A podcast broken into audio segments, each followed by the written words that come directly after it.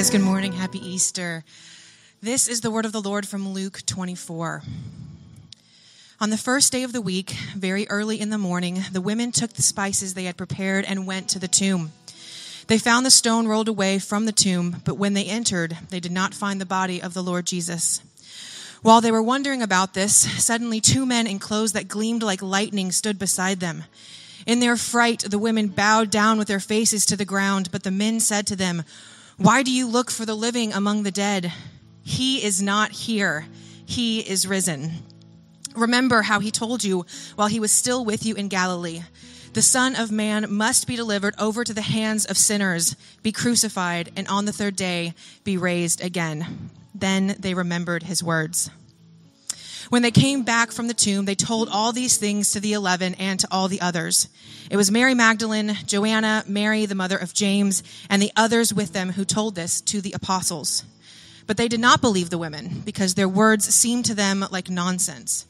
Peter, however, got up and ran to the tomb.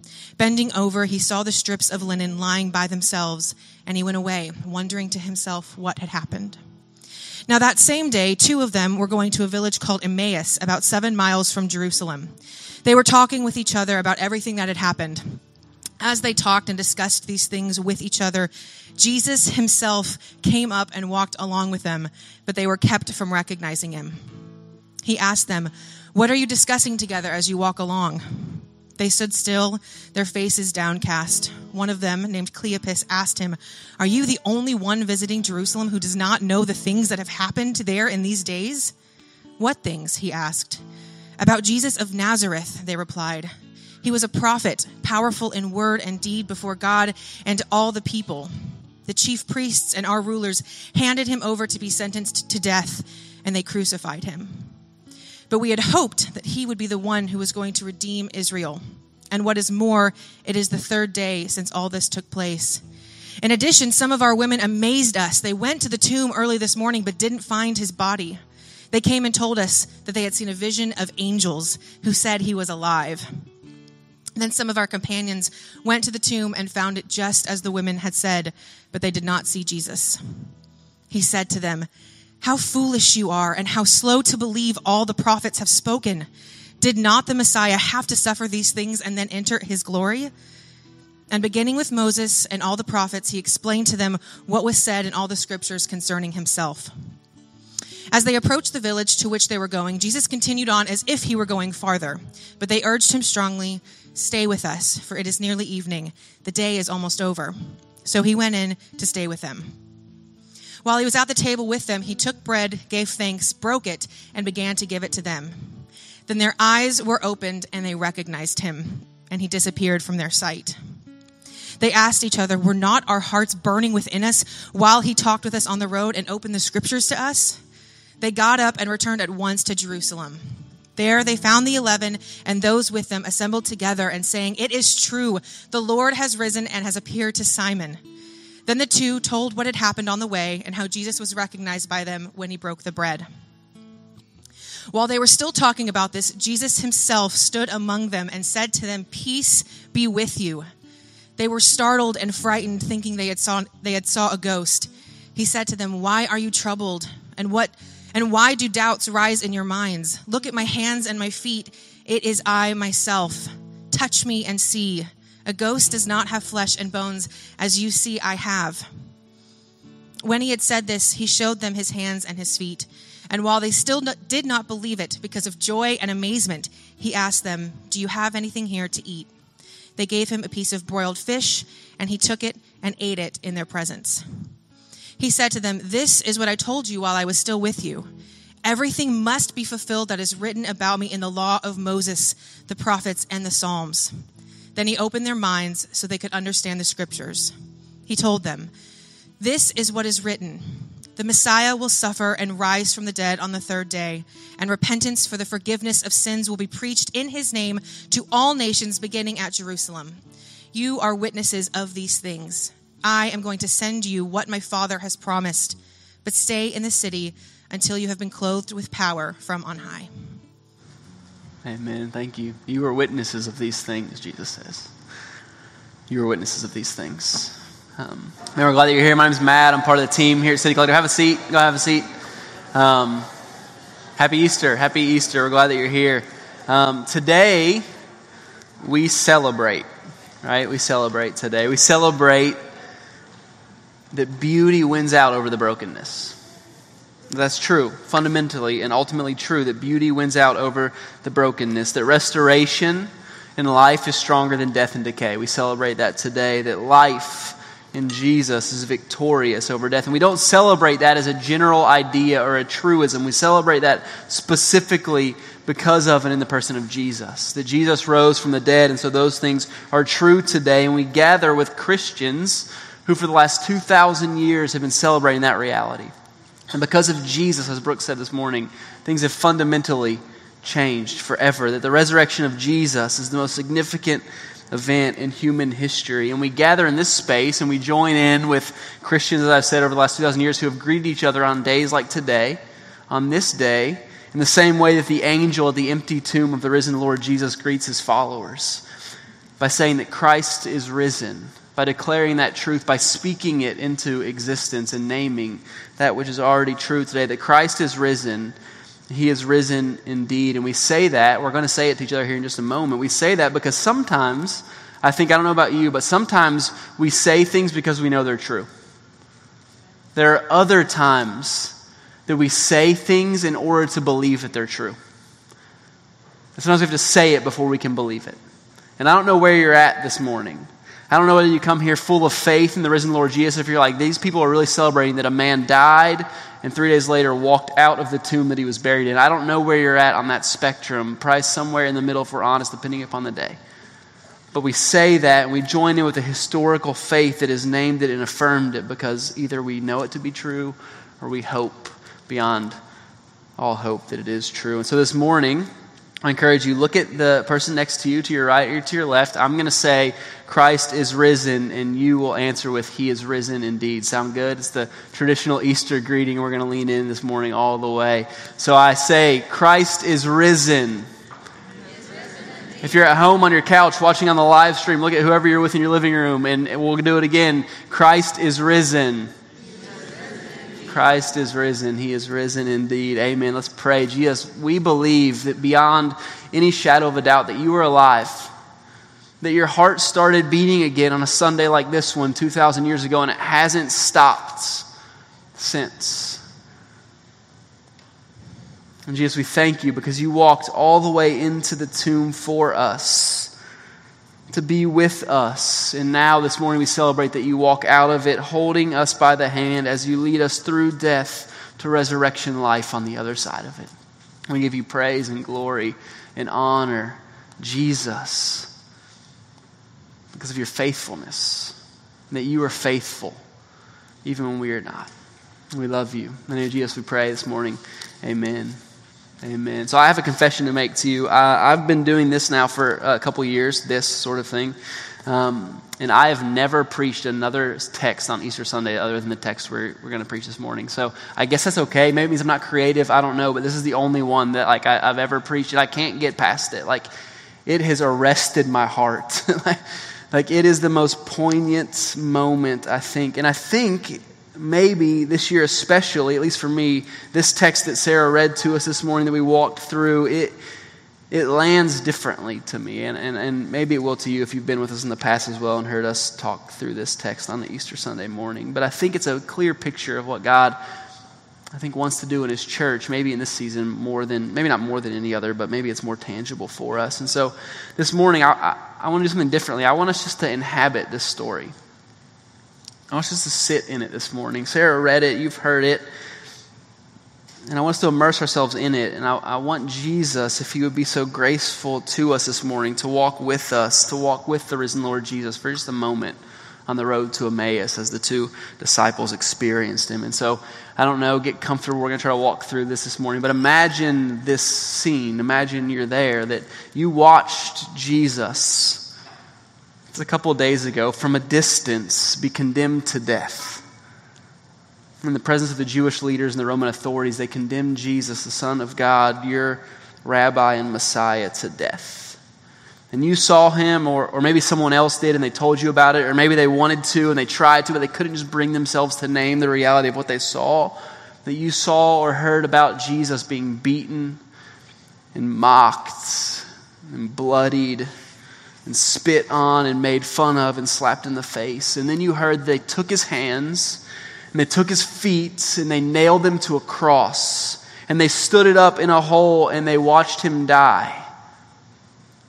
And they told you that some of his followers were actually there when he died, and that after his death, they took his body down. And then they hurriedly, because the Sabbath was coming, they took him to a grave, a borrowed grave, and they put him inside. And as you heard that story, as they told you, you felt like any of the joy in your heart, any of the hope in your life, any future that you had dared to hope for because of what Jesus had said and done among you and your friends as you followed him, that they had laid that hope and future and life in the tomb with Jesus and they rolled a stone in front of it. And that your hope was buried with Jesus in a borrowed tomb on that evening, just a couple days ago. And now you find yourself walking back into a life that no longer seemed to make any sort of sense on your way to whatever comes next on the other side of deep disappointment and despair and hopelessness. And as you walk along the road back into the life that you thought you'd left behind when you followed Jesus that day, and as you walk, someone comes up beside you and they begin to walk with you and they ask you what you're talking about. And you tell him all of it.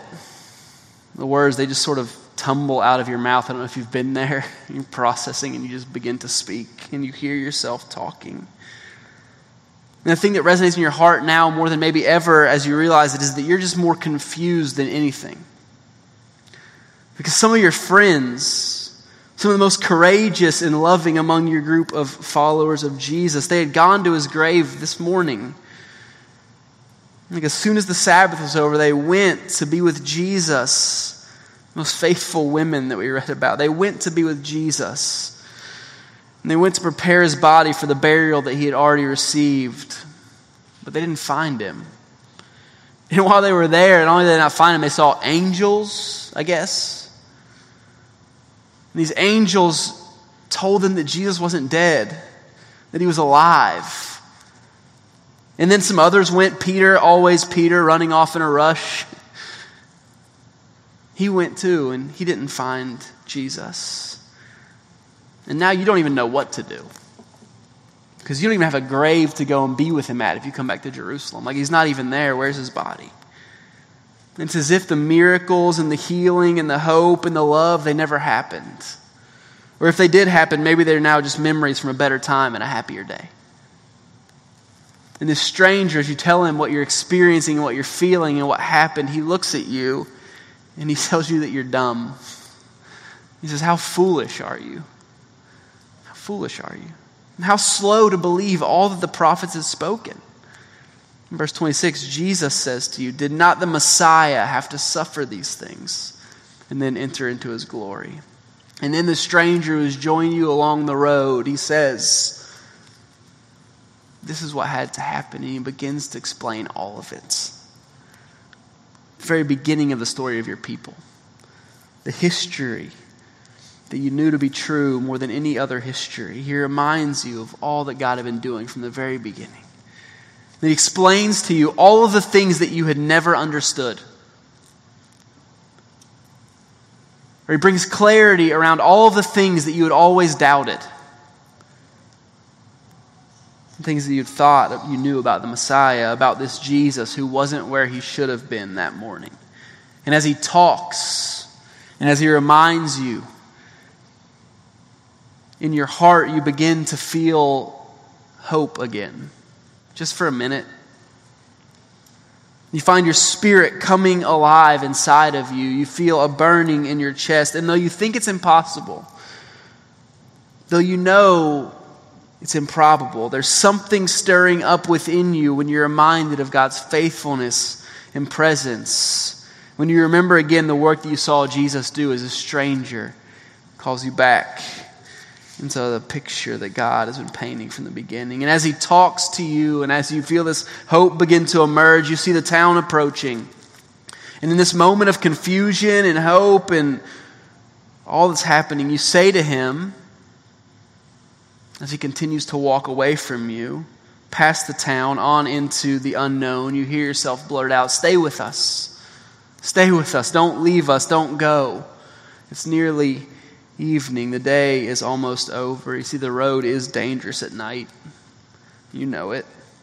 There are robbers and thieves, and these are uncertain times, and it's not safe for him to continue walking. But also, maybe if he stays, maybe he can continue to distract you.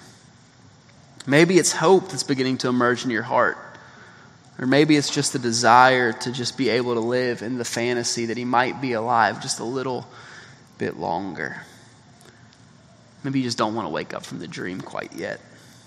But maybe, maybe it's true. And so he stays. And you sit down to eat with him at the table, and he does something funny. You see, he's the guest, but he takes the bread and he breaks it. And in that moment, everything changes. Are you there? Like, can you feel it? Not just as a story on a page, but as an experience that we're living together.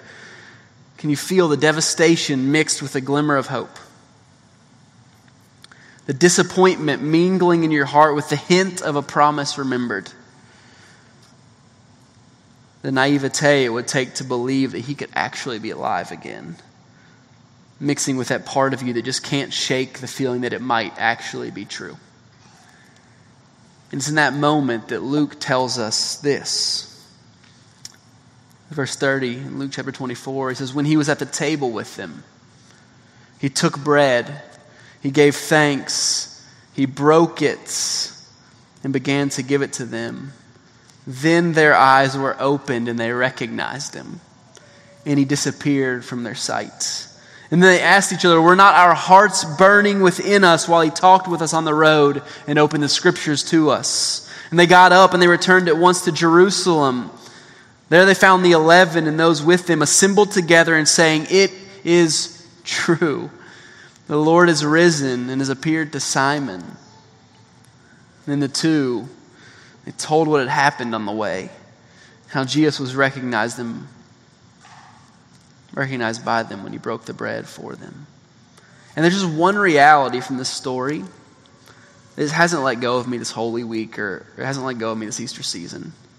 And it's this fact that the risen Jesus chooses to meet these two scared and lonely and confused disciples on the road as they walk back into a life that they thought they'd left behind the very day they followed him.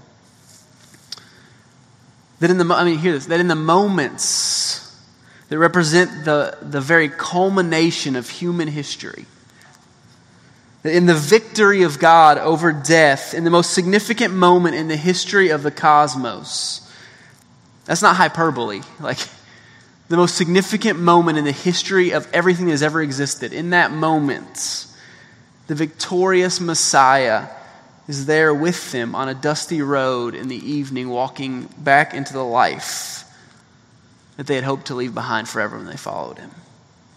As they walk back into all they hoped that would go differently, Jesus meets them. He could have been anywhere, anywhere in the universe.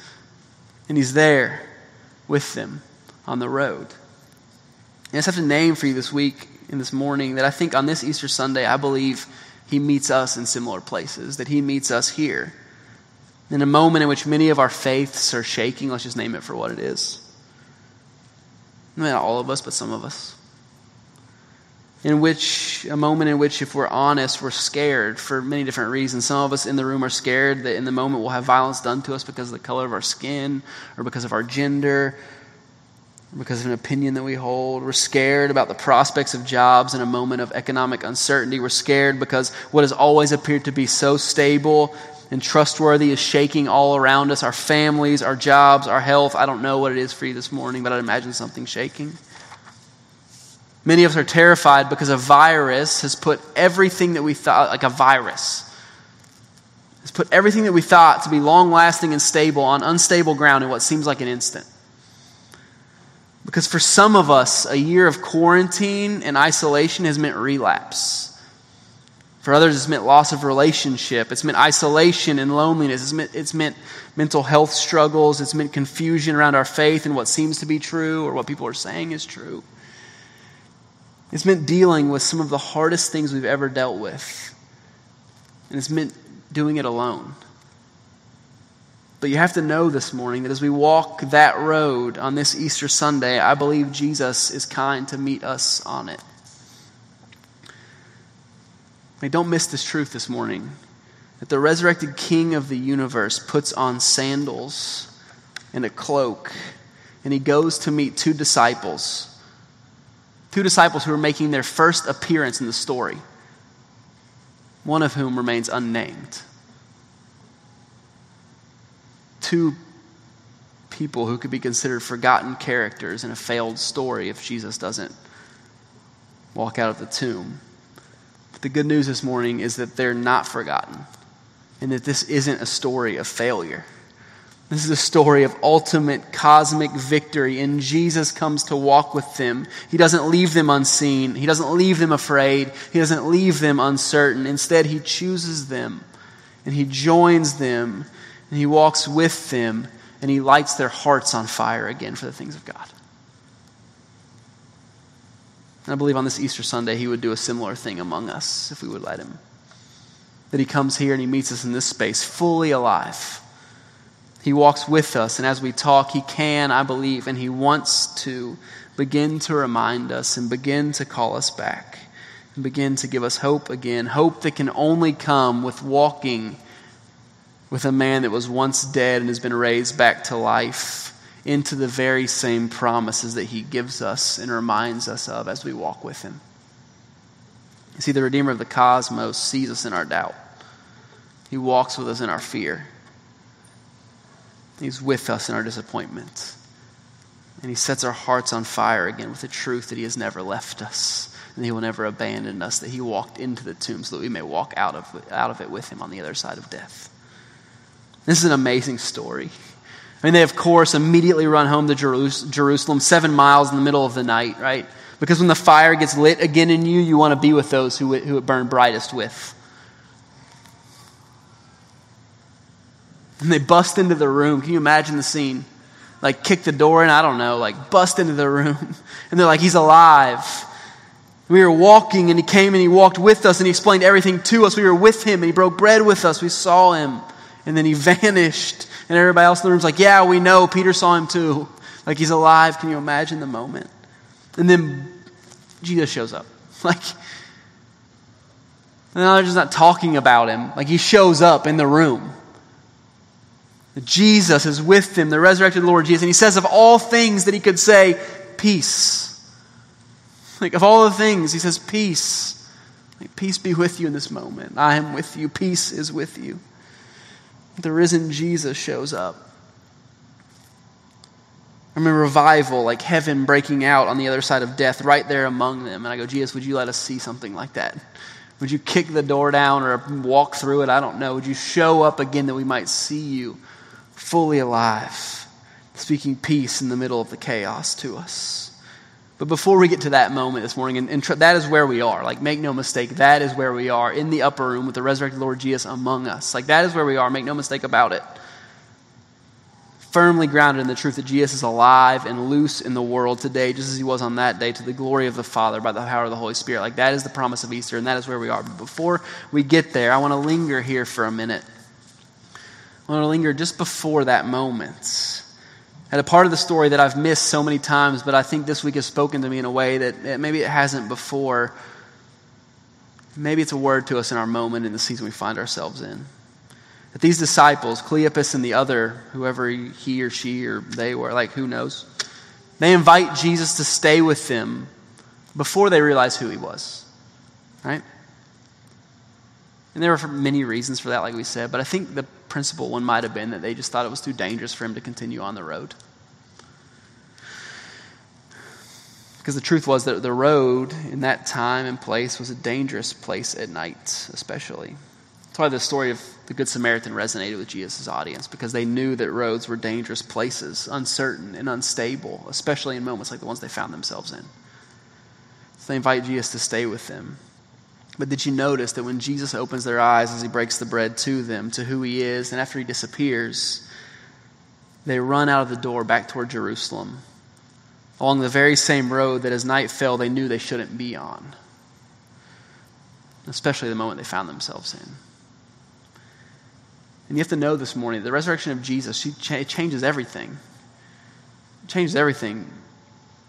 But what the resurrection of Jesus doesn't do is it doesn't make the road a fundamentally safer place to be.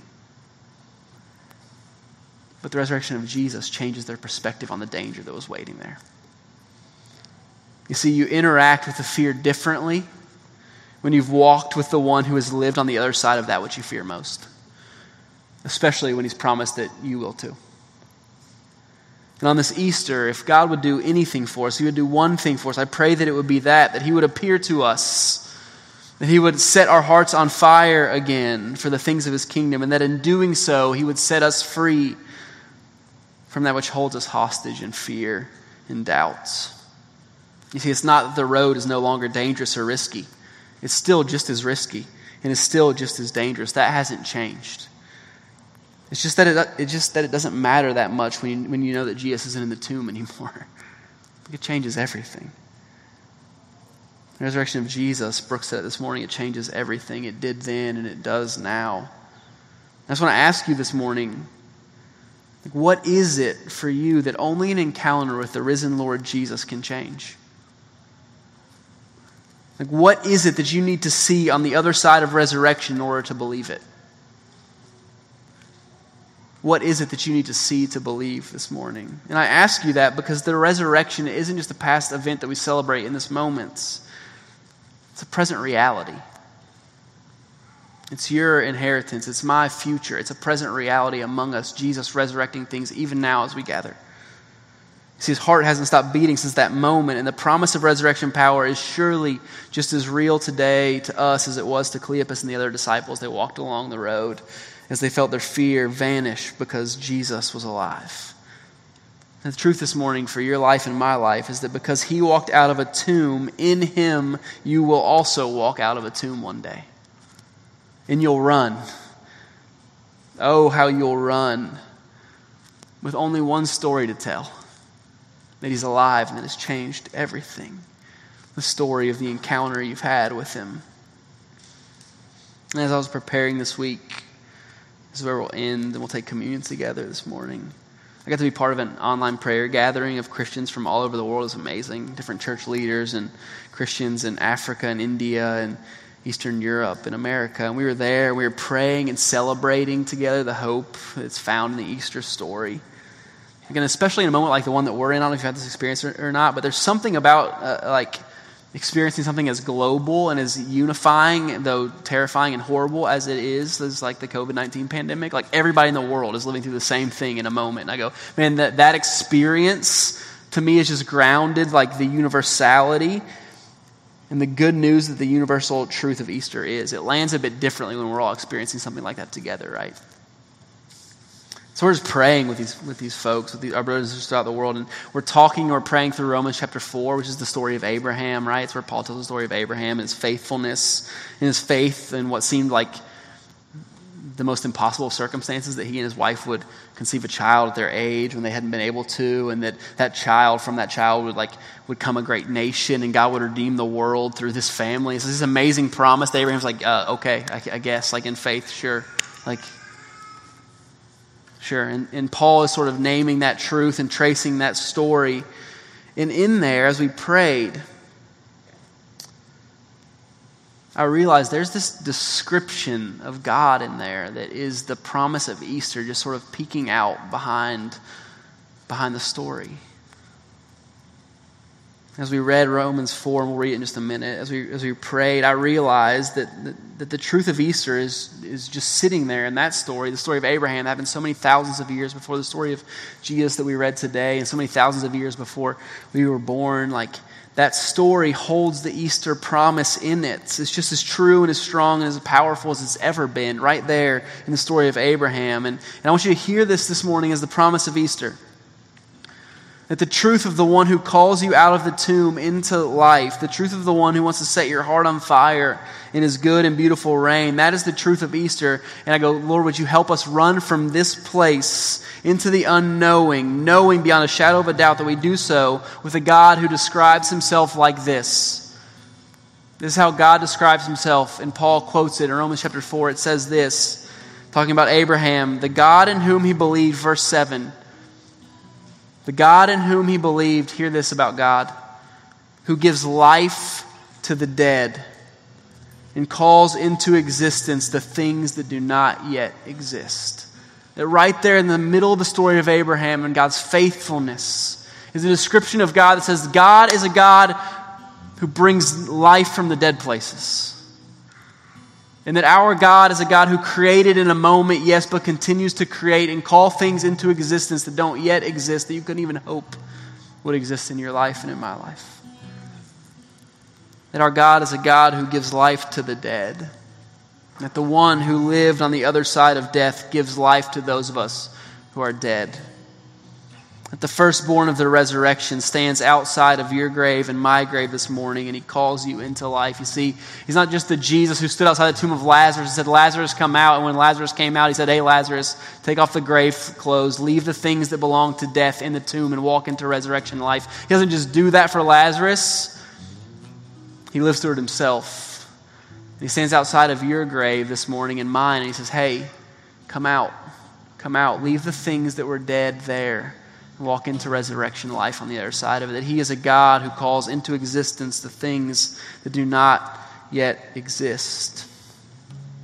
And that's the truest thing about Easter. And so as we close this morning, it's a blessing for you on this day of resurrection. This Easter Sunday, may He give life to you. May He bring to life in you the things that you thought were dead and buried, the things that you had given up on, that you had walked away from. And may you trust Him this morning. May you see Him and may you trust Him to put to death some things in you in order that He might raise to life something new and beautiful and hope filled for His glory and your joy. And may the God who raised Jesus from the dead by the power of the Holy Spirit May He call into existence things in your life and in your family, in your character, and in your discipleship that do not even exist yet, that you wouldn't even dare to hope that could exist. But that when He does, it will be for His glory and for your great joy. And so this morning, I just want to say to you, Happy Easter, City Collective. I love you. It's an honor to stand in front of you and to to name the good news of Jesus among us. And so we'll end as we began this morning. I'll say, Christ is risen, and you repeat, He is risen indeed, and then we'll take communion together. Sound good? I hear the truth this morning, City Collective. Christ is risen. He is risen indeed. Amen. We'll take communion together. If you didn't grab it on your way in, it's on the tables in the back. Let me pray for us. Get up, go ahead and grab it, and we'll finish in a time of worship. We love you. Happy Easter. Father, we love you. And Jesus, we take communion. I, I'm struck. We gathered some of us on Friday night and we took communion, Lord. We took bread and we took juice and we ate it and we drank it, Lord. And, and we did so in, in the hope that, that you would rise again. We know that to be true. But on Friday, we took it in a moment of saying, like, Jesus, thank you for your body that was broken and your blood that was shed. And Jesus, on this side of Sunday, we say, Thank you, Jesus, that your body was broken and that your blood was shed and that you walked back into life, fully alive, heart beating, bodily resurrected Jesus to the glory of the Father. Lord, we pray that you would meet us in this space. That we would be like the disciples who encountered you, just sharing, God, like I saw you, you were there, we walked with you, and like, yeah, I know I experienced him here. Like, God, maybe a people surprised by your goodness, surprised by your presence, encouraged into life because you lived again. Not just to get hyped up for it on Easter, but to live into it as a reality that governs and shapes the trajectory of our lives. That we are a people of resurrection, Father. And just like you, Jesus, we bear the scars of death. We're a people set fully alive. That you defeated death, Jesus. you were victorious over it. That you endured the cross, Jesus, for the joy that was set before you. The joy of welcoming your children, Father, back into your kingdom for your glory and for our flourishing. Lord, we love you. So, Jesus, we say thank you for your body. Thank you for your blood. Thank you, God, that you got up on Sunday morning and you walked back into life. We love you. In the name of the Father, and the Son, and the Holy Spirit, we pray together. Amen.